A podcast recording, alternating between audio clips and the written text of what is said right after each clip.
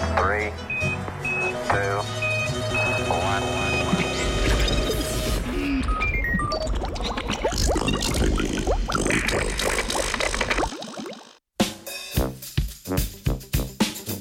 Dobro jutro, tokrat se kregamo, kdo je odbil žogo iz igrišča. V Ligi NBA so zakorakali že globoko v končnico, kmalo bo ostalo le še osem moštev, ki se bodo borila za finale in večno slavo.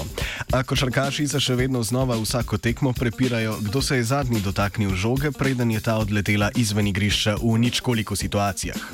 Zahvaljujoč dvema raziskovalcema z oddelka za psihologijo Arizonske državne univerze imamo sedaj morda odgovor.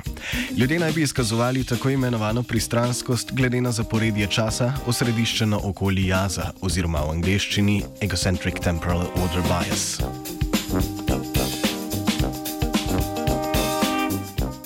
Raziskovalca je zanimalo, ali je človek pristranski pri zavestni izkušnji ob neki akciji, ki se zgodi istočasno kot nek drug zunani dogodek. Primer tega je torej dotik žoge, tik preden se dva igralca iz nasprotnih ekip skoraj istočasno dotakneta in se ta odbije z igrišča.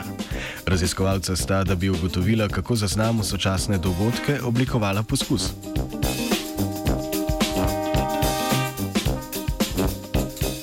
V psihološkem laboratoriju sta udeleženke in udeležence raziskave izpostavila sočasnemu dotiku druge osebe, dotiku neke mehanske naprave ali pa sočasni zaznavi dotika in zvoka.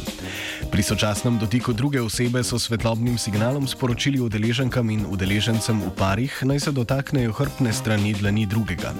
Na tem delu pa so imeli udeleženke in udeleženci nameščeno kapacitivno tipalo za dotik.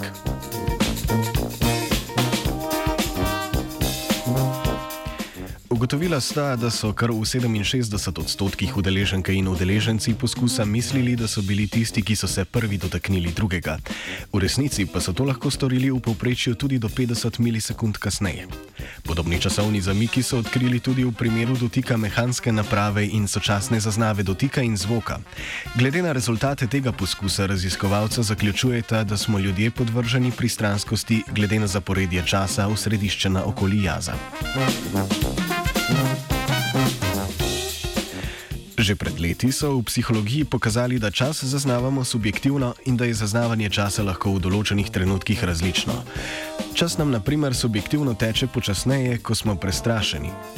Košarkarjem in košarkaricam očitno tudi zagode subjektivna zaznava časa, v želji po zmagi namreč pogosto mislijo, da niso bili zadnji, ki so se žoge dotaknili in si zato njihova ekipa zasluži imeti posest žoge.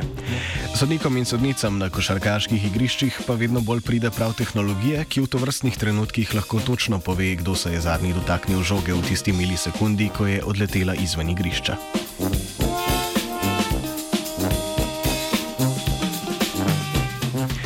Ali bo vsa tehnologija v športu zasenčila črne predvidljivosti, se sprašuje Zarja.